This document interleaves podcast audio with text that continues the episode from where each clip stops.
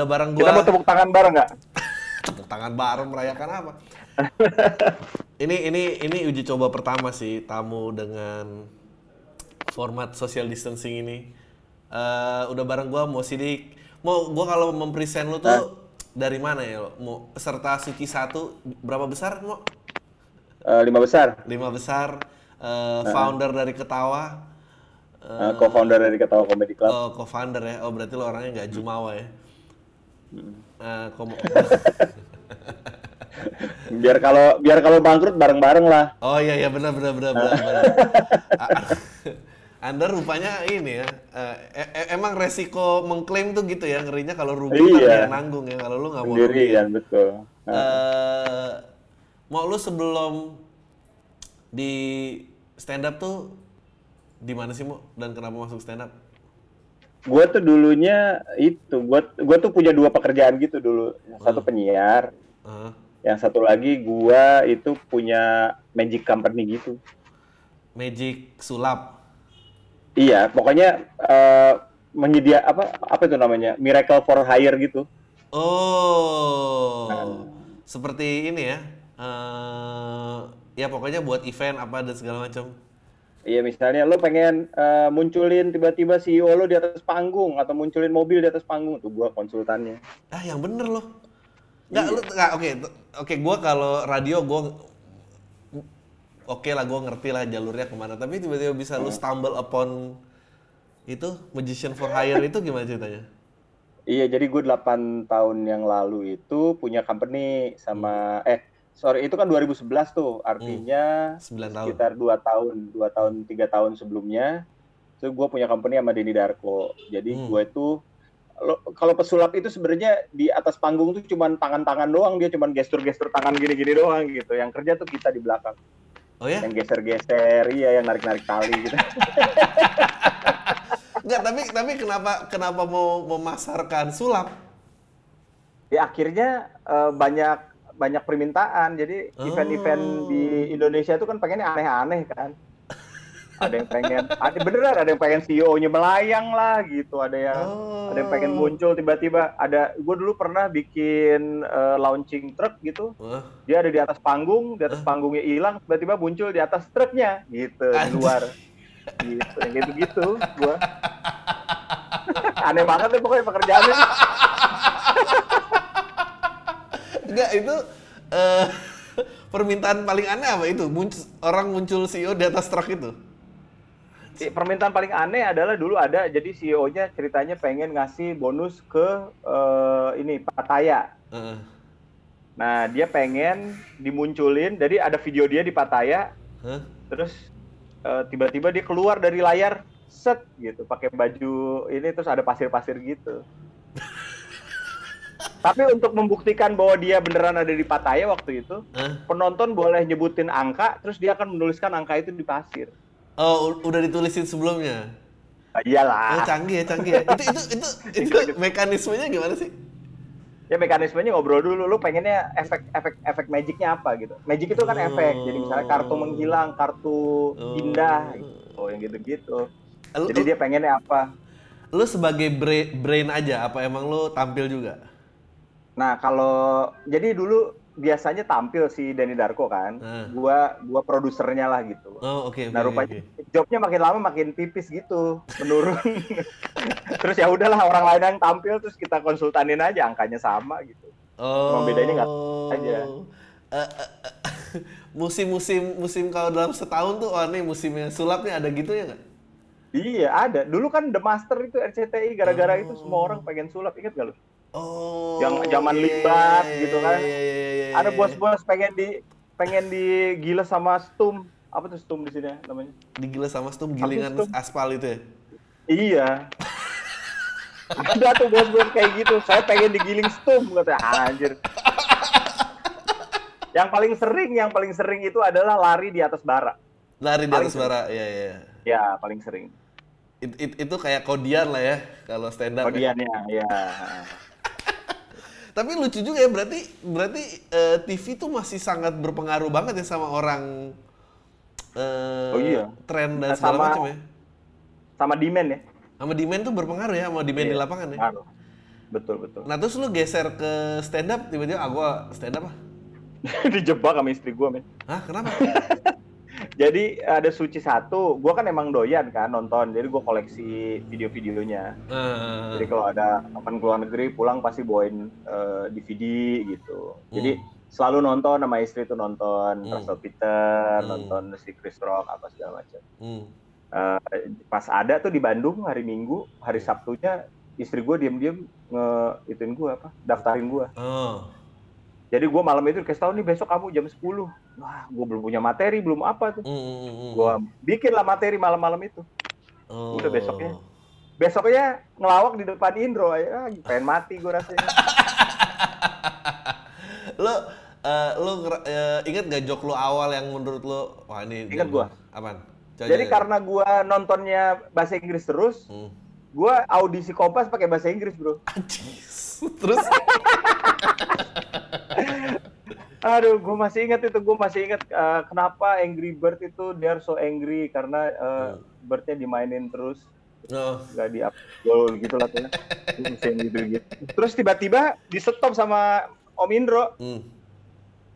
eh ini namanya stand up komedi Indonesia katanya kamu harus pakai bahasa Indonesia lu kalau nggak pakai bahasa Indonesia nggak gue lolosin nih akhirnya gue ngejok yang itu yang eh, rumah makan Padang gue Hmm. masih inget tuh kan nama-namanya kan Hmm. selalu eh, ke orang lain kan Iya. Kaluro Bundo Ah. gitu jadi kalau nggak enak bisa nyalahin orang lain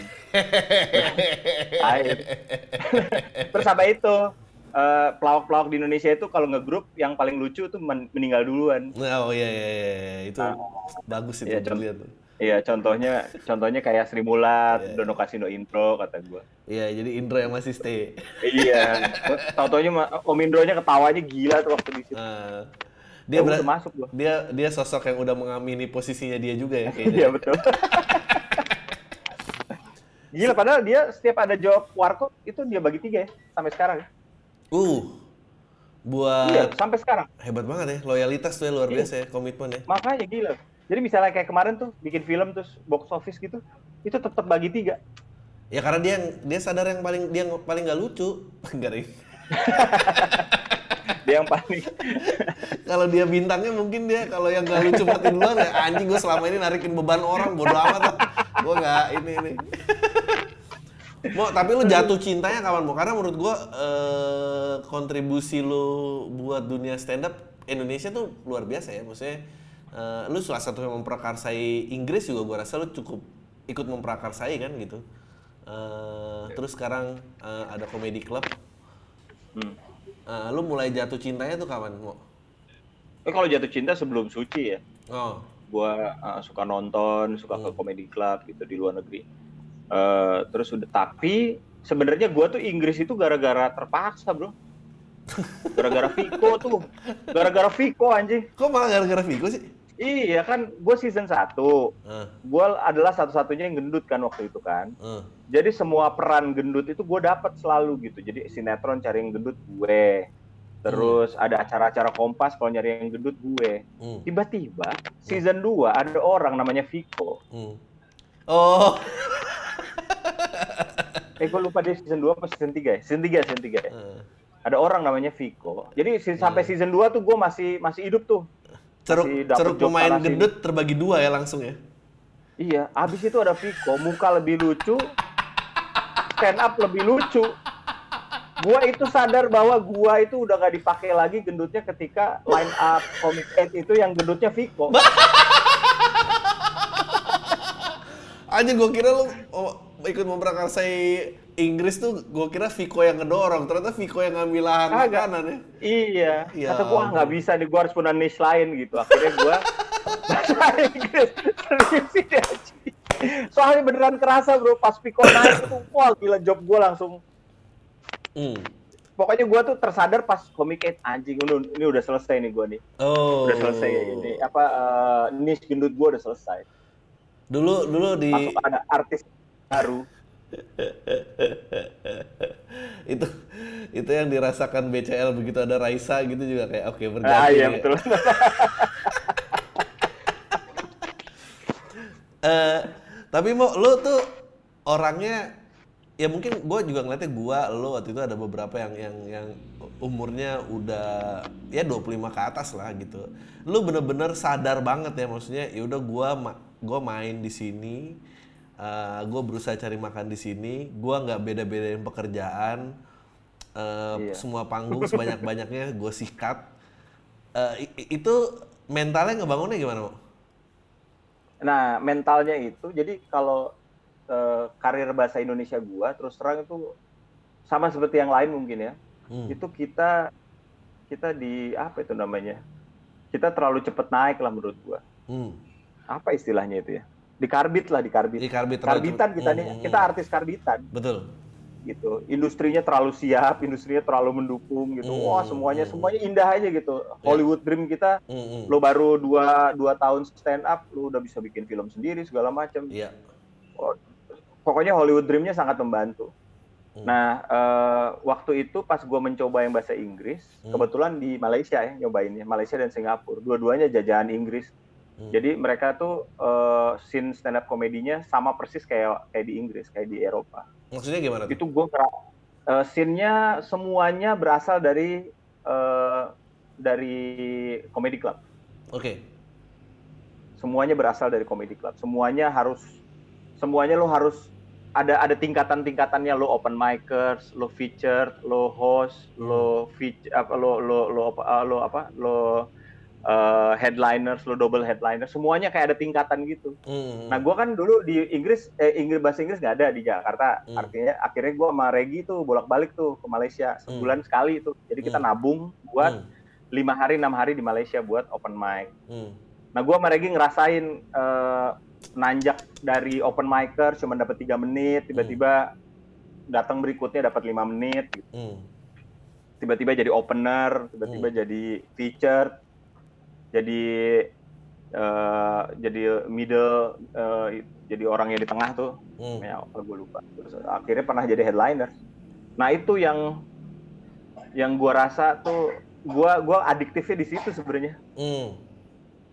gitu. A- apa bedanya mau meraih tingkatan melalui eh, ajang pencarian bakat sama lu tarung langsung gitu di beda lah bro Oke, itu eh. wah gila itu comedy club lo udah ngerasain sendiri kita diketawa aja rasanya udah kayak gitu kan ya rasanya udah kayak gitu ini apalagi lo ke luar negeri gitu di mana satu klub nggak ada yang kenal sama sekali sama lu hmm. kalau di Indonesia tuh lo relatif udah terkenal lah gitu gua relatif udah terkenal juga gitu jadi Hmm. kayak ada ya meskipun beban juga ya Hmm. cuman tetap aja ada cheat code-nya gitu Iya iya iya iya. iya. Maksudnya lu kalau udah- di sana lo tiba-tiba lu punya tiba-tiba lo nggak kenal siapa-siapa iya Hmm. lu punya presence di sosial media, lu punya appearance ini itu ini itu orang Betul, nganggap lu betul. orang anggap lu somebody tuh langsung bikin eh, oh ya gue mau dengerin lu gitu. Sedangkan kalau bukan siapa-siapa tuh Iya. lu harus nyari. Betul. Ya. Itu adiktif banget, Bro. Itu eh, jadi banyak banget orang yang eh, ngerasa kayak gini deh. Waktu lo ngerasa stand up bahasa Inggris di Indonesia, rasanya Hmm. kayak balik lagi dari awal kan? Iya, iya, iya, iya. Bener kan? Di lingkungan Nah, itu asing. adiktif kan. Mm, Coki, Coki ngerasain juga kayak gitu. mm, mm, mm. Gila ya kata gue. Ini gue udah udah lama banget gue nggak ngerasain hal kayak gini gitu. Iya. Lu nggak lu nggak masuk panggung langsung jadi bintang gitu kan. Iya betul. Mm, mm, mm. Terus lo deg-degan lagi, terus lo seneng lo bawa lo eh, lo apa? Eh, lo seneng bahwa lo wah gila nih gue pecah gitu. yang gitu-gitunya. Nah, abis itu gitu-gitunya. Ya, ya lu tuh bener-bener ya menurut gue lu salah satu yang eh, purist banget sih stand up dan lu nggak cuma ya panggung lu nggak cuma di dalam tapi dulu juga keluar negeri juga. Ya. Eh, nggak lama eh, abis itu kan lu spesial yang pertama tur berapa kota dan berapa negara mau? Itu 2017 gua ke 14 negara.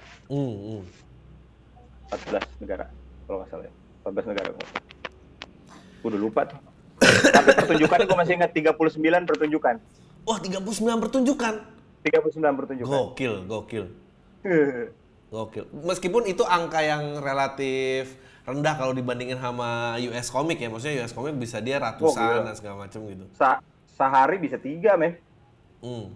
Mereka bisa tiga. Jangan bandingin sama itu deh. Bandingin sama eh ini sama story yang itu apa eh, story party, story party. Hmm. Story party itu setahun ada 365 hari, mereka 300 360 hari Hmm. manggung ya dalam setahun. 360 kali. Ya, ya, ya. Gila. Lu eh, kota apa yang paling berkesan mau? Kota dua, Kabul sama eh eh, tiga dong, sama Aceh ya. Eh, kenapa? Kabul. Aceh, sama eh, Edinburgh. Oke, Kak. Kenapa? Kenapa? Eh, Kabul ya di Afghanistan ya. Eh, Dapat dolar dulu kan. eh. Gila, gue baru baru pertama kali stand up dapat dolar, terus udah gitu eh, diserang, diserang Taliban. Hah? Diserang Taliban? Heeh. Lu cari deh berita aja tahun 2014. Anjing. Ada tiga orang Indonesia terjebak di Kabul. Itu salah satunya gue. Tapi bukan karena joknya dong diserang Taliban. Bukan emang lagi Kebetulan. diserang aja. Oke. Mau kita mau berangkat ke kita mau berangkat ke bandara, tiba-tiba di stop, nggak boleh keluar hotel. Kenapa lagi ada ini, lagi ada serangan katanya. Ya udah, jadi kita masuk masuk bunker tuh eh, dua kali 24 jam. Ya ampun. Anjir lu berkesannya gara-gara itu bukan gara-gara performance-nya. Performanya ber- berkesan karena itu pertama kali gue stand up pakai eh, penerjemah. Uh, Ya, iyalah ya Berkesan. Arab. Iya, jadi lu bahasa Inggris. bahasa Inggris. eh, penerjemahnya dua orang karena dua bahasa ya. Mereka punya dua bahasa. Eh, Yang satu bahasa dari, yang satu darah pasto. Jadi ada dua penerjemah di atas panggung. Gua ngomong bahasa Inggris, terus diterjemahin bahasa dari, terus diterjemahin bahasa pasto. Enggak, lu eh, itu ngerjain timingnya gitu-gitu gimana? Eh, act out-nya gue ulang tiga kali. Anjing, jadi begitu dia ganti bahasa lu ikut iniin lagi gitu. Iya, eh, jadi dia dianya juga nggak ngegituin badan dia kan. Eh, Si penerjemahnya juga kan kita udah ngobrol nih gue Hmm. akan ada act out. Kalau gue act out lo act out lagi aja, nanti gue ngikutin lo kata gue ke penerjemahnya. Gitu. oh. Seru banget bro, seru banget. Aceh Eh. berkesan karena kiri dan kanan cowok cewek. Nggak nggak ada joke pacaran dong ya berarti ya. Joknya dimakan semua, gila men. Aceh lo harus bikin di Aceh men. Iya iya iya. iya. Gila, Aceh itu menarik sih.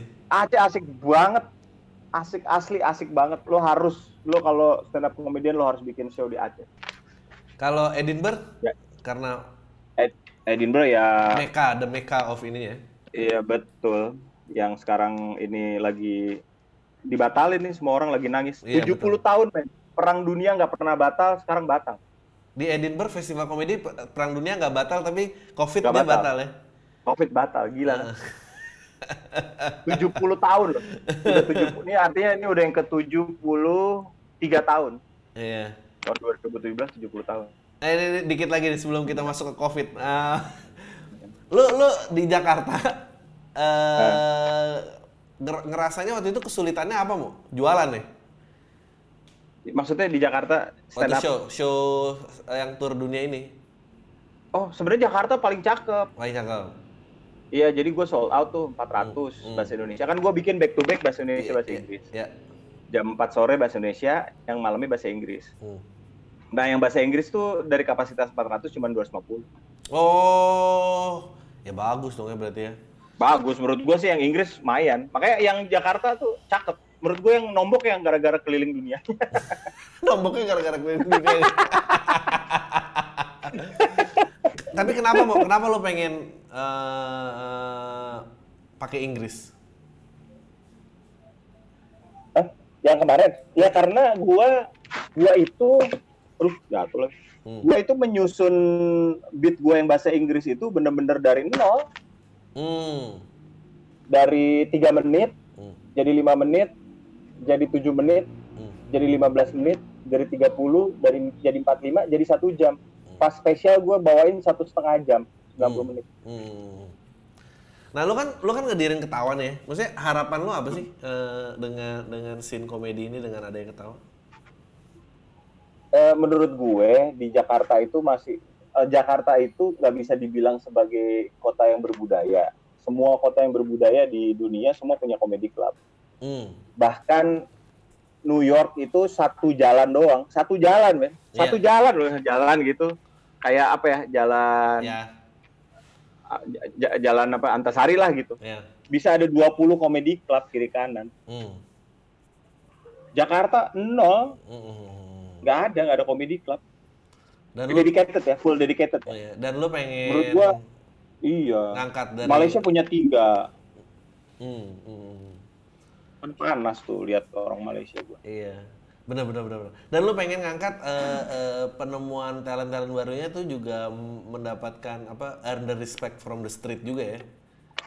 Iya betul betul. Karena beda banget. Ini kita baru buka bentar aja kita udah bisa ngeliatin bedanya bahwa di TV eh, sama di panggung di ketawa tuh beda banget. Hmm. Nah, terus lu eh Enggak, tapi dari situ apakah lu mau man- manage orang, apakah talent talent barunya mau lu iniin? Enggak bro, enggak. Maksudnya kalau itunya sih kalau di Jakarta ya di Indonesia, lo bagus dikit lo pasti masuk manajemen lah. Hmm, hmm, hmm. Maksudnya kayak Emily juga eh, matanya juga cakep gitu. Tiba-tiba ngelihat siapa yang cewek itu? Priska. Eh, Priska set langsung dapat gitu. Eh, si Ernest juga ngelihat si Kiki set langsung dapat. Menurut gua kalau misalnya tempat gua nggak netral Hmm. akan sulit buat jalan menurut gua. Iya, iya, iya, benar benar. Jadi jadi gua ngerasa gua nggak boleh punya talent sendiri. Maksudnya kalau kalau host apa segala macam yang sering main di sana ada, cuman Hmm. kita nggak ikat jadi manajemen atau apa segala macam enggak sih. Oke. Eh, menurut gua untuk jadi yang pertama di Jakarta full dedicated lo harus netral. Jadi Ya. gua nggak bisa bersaing sama eh, sama manajemen-manajemen manajemen Iya, beda, beda model lah. beda komedi model. yang lain. Betul. Iya, maka makanya nanti nanti jadinya kayak orang hesitate gitu. Iya. buat manggung di tempat gua. Padahal gua pengennya ya maksudnya gua belajar nih memanage lima pertunjukan dalam seminggu Ah, anjing rasanya.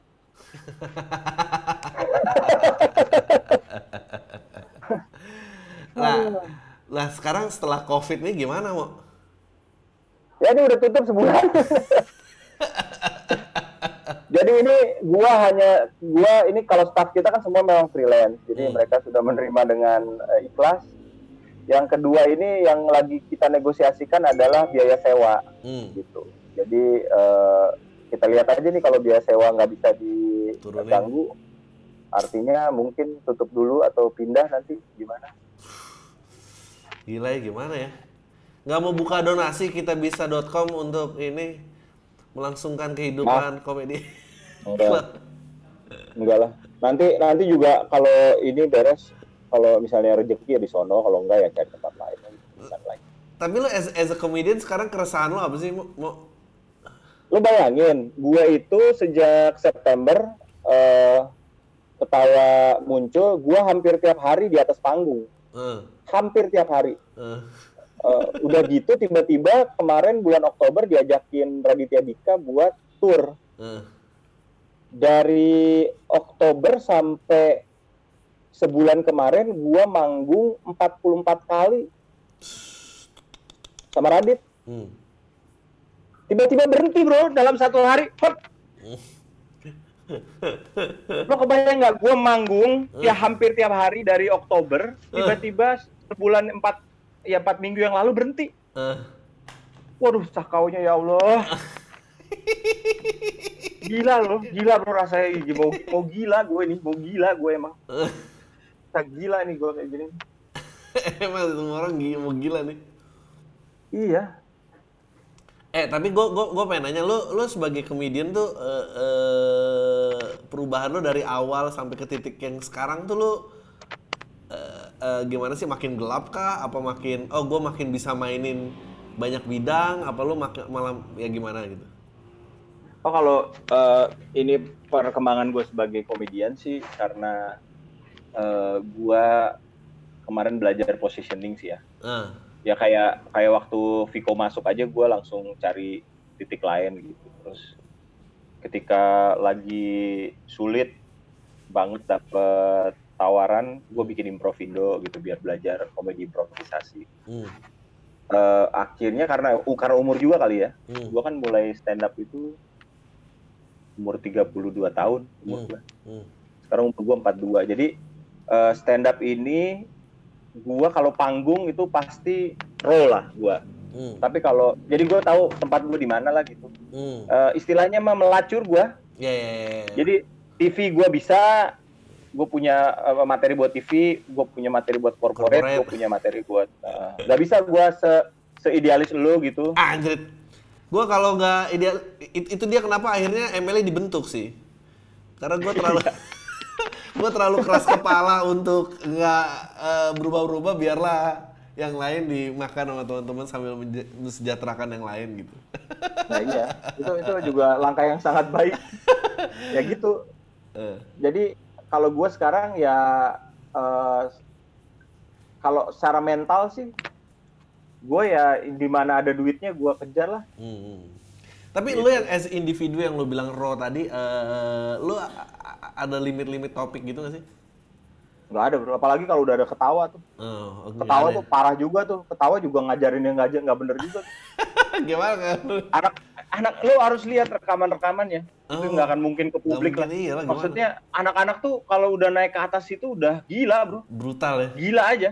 Tot gila aja gila. Nah. Jadi kayak aman gitu loh. Hmm. Gue Ruangan antara seneng, iya antara seneng sama wah gila juga nih kata gua. ya ruangannya bebas banget jadinya gitu kan. Iya. heeh. Karena memang komedi club tuh kan tertutup Iya. kesannya. Iya. Eh, terus terus ketawa itu menurut gue ya ketawa itu menurut gue terlalu gampang eh, dapat ketawa. Jadi Oh, kadang-kadang gue suka ngomong ke anak-anak di situ, lu kalau misalnya mau cobain materi lagi, jangan diketawa doang, lu harus cobain di tempat lain karena Hmm. ketawa itu kondisinya memang orang tuh kayak open mic aja ya, Iya. kayak open mic di tempat lain nih. Lu kalau di Jakarta Selatan gitu open mic di tempat lain itu kan kafe tuh, Hmm. ada orang lagi ngaduk Hmm. minuman, Hmm. Hmm. Hmm. Hmm. ada yang segala macam gitu. Nah kalau di apa? Kalau di ketawa tuh orang duduk pasti ngadep depan, Hmm. Hmm. Eh, panggung terang, orangnya gelap gitu. Namanya juga udah ketawa, jadi secara psikologis juga Hmm. ya gitu deh. Nah, lu pusing jadi tahanan rumah, gitu tahanan rumah ini. Ini, waduh, Materi-materi tentang COVID lu udah berapa banyak? waduh, gua kemarin eh, corporate bro, corporate Gimana? online gua, Oh, gimana tuh? dapat job corporate gua, Stand up tapi online kayak gini? online iya. Gimana ceritanya? Eh, jadi kan gua tuh beberapa kali tuh stand up, gua nyoba-nyoba gitu stand up live, stand up live gitu. Hmm. terus tiba-tiba ada temen gue yang nonton gitu eh, eh, gue mau ada ini nih ada meeting town hall nih eh gue di hire Hmm. jadi itu adalah stand up corporate gue pertama yang online Eh. ya udah ya bedanya cuman nggak ada suara ketawa aja suara ketawanya samar-samar aja dari dari peserta zoom yang ketawa-ketawa gitu nah itu semua gue gua nggak ada materi lama semua materi baru semua materi covid semua Ah, materi COVID semua. Coba dong, boleh dong, boleh Iya. nggak? Tes dong. Hah? Tes dong, COVID lo apa? Gue pengen tahu. nih, nih, nih. kayak gini. Gua kalau ada orang nanya ke gua, se- semua orang kan kalau di covid pada nanya, mau lu sehat gitu. Nah, gue jawaban gue selalu gue physically sehat, mental yang agak kena gua. kata. Terus kayak eh, lu lu lu ngerasain lah di rumah kita bapak-bapak ini semuanya jadi tukang kan. Kita Hmm. bukan work from home lagi, kita worker from home gitu. Bener gak sih lo? Tai tau gak lo? Yang ini yang bocor, yang ban bocor, ban, ban bocor melulu. Yang galon lah, apalah. Iya, iya, iya, iya, iya, iya. Tuh gue sih marah-marah soal itu doang. Nah rupanya semua orang, lah, lu aja ketawa artinya lu juga ngalem ya di rumah. Naik genteng segala macam. Jadi jadi plumber kita kan. Gak ada yang bisa dipanggil kan, gak ada yang mau juga. Oh bagus ya. Mau, nah, tapi, nah oke ini, ini gue tadi naf, eh, pengen ini sama lu tuh gue eh, pengen ikut ngobrol. Menurut lu tuh the future of stand up nih kalau kita ternyata nggak pulih dari covid ini gimana? Online bro. Kayak gini ya? Ya gini terus paling kita main main board game gitu. Gue mau ngajakin anak MLI main improv nih. iya, iya, gitu Yuk, itu. Yuk, bikin yuk. Ya, ya, ya, ya, bikin, bikin, bikin, bikin. Gue udah jadi hostnya deh. Lu waktu waktu town hall meeting, jadi zoom satu, and then lu lihat pesertanya semua gitu, banyak. Iya, lihat pesertanya. Terus Jadi kata gue, oke. ini mic-nya jangan dimatiin ya gitu. Jadi biar ketawanya kedengeran. Oh, oke oke oke oke. oke. Jadi gua kalau habis ngejok gua diem dulu.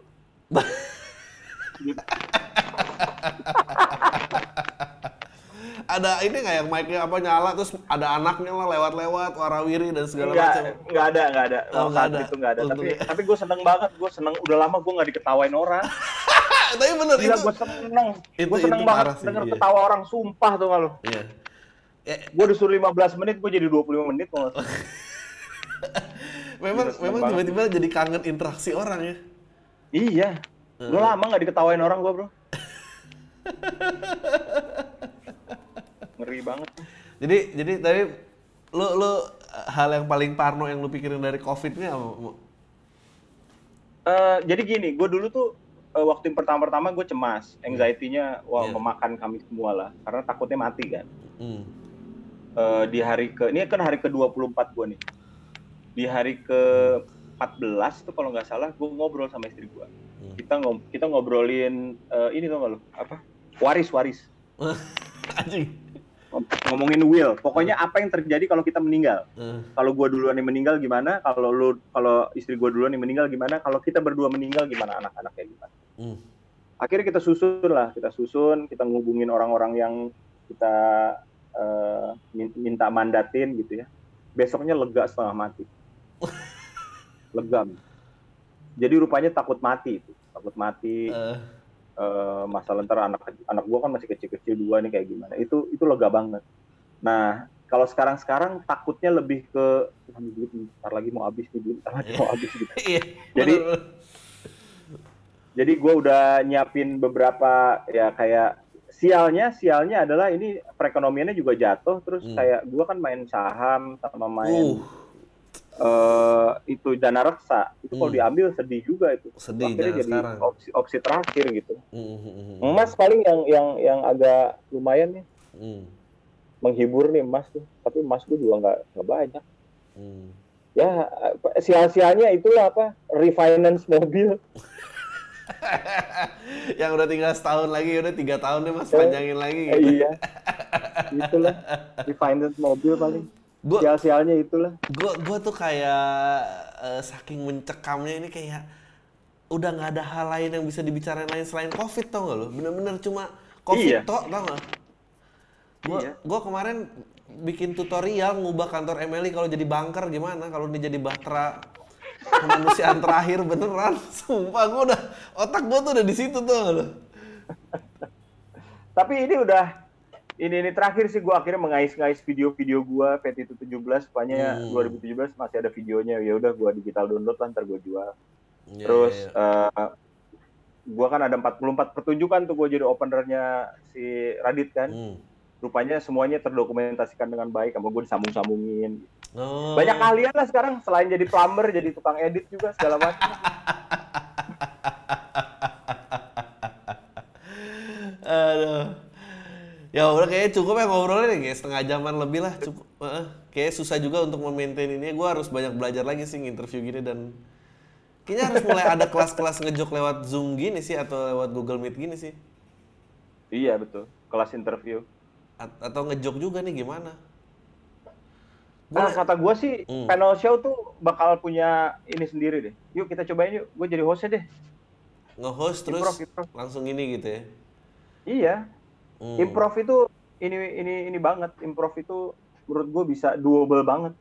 Hmm, hmm. Cuman ya karena improvindo pada di penjara ya. iya. Nggak kena keluar lagi. Kasihan lo anak-anak bro. Kasihan banget. Anjing gue jahat banget lagi Jadi yang lain yang lain pada keluar. Eh. Yang lain pada keluar. Kan ada 30 ribu napi tuh. Heeh, dia nggak pada termasuk keluar yang keluar. lain. Mereka mereka belum bisa keluar karena mereka belum napi. Ya Allah. Karena masih dalam persidangan, gila gak lu? Sedangkan persidangan berhenti ya. Iya. Anjing Ya kasihan banget. Kasihan banget. Nggak, tapi ancaman COVID di lapas tinggi nggak sih? Nyata, nyata, nyata banget, Tinggi ya? Gila ya. nyata banget. Ya ampun. Soalnya sarden bro, kayak sarden. Ya kayak sarden sih ya. Terus mereka kan terlambat tuh kemarin tuh. Eh yang nutup orang orang jenguk. Hmm, hmm, hmm, hmm. Di lapas kan ngejenguknya eh, nggak kayak di Amerika. Eh, Iya, iya. ya, nggak nggak nggak nggak kayak Kaca, ada kaca, misah itu. kaca gitu beneran ketemu iya Aduh, aduh, aduh, aduh, aduh, aduh, berat tuh ya. gitu makanya bro Em, em, iya, terkenal tuh emang nggak boleh tanggung emang tuh. Jadi nggak jadi prioritas soalnya.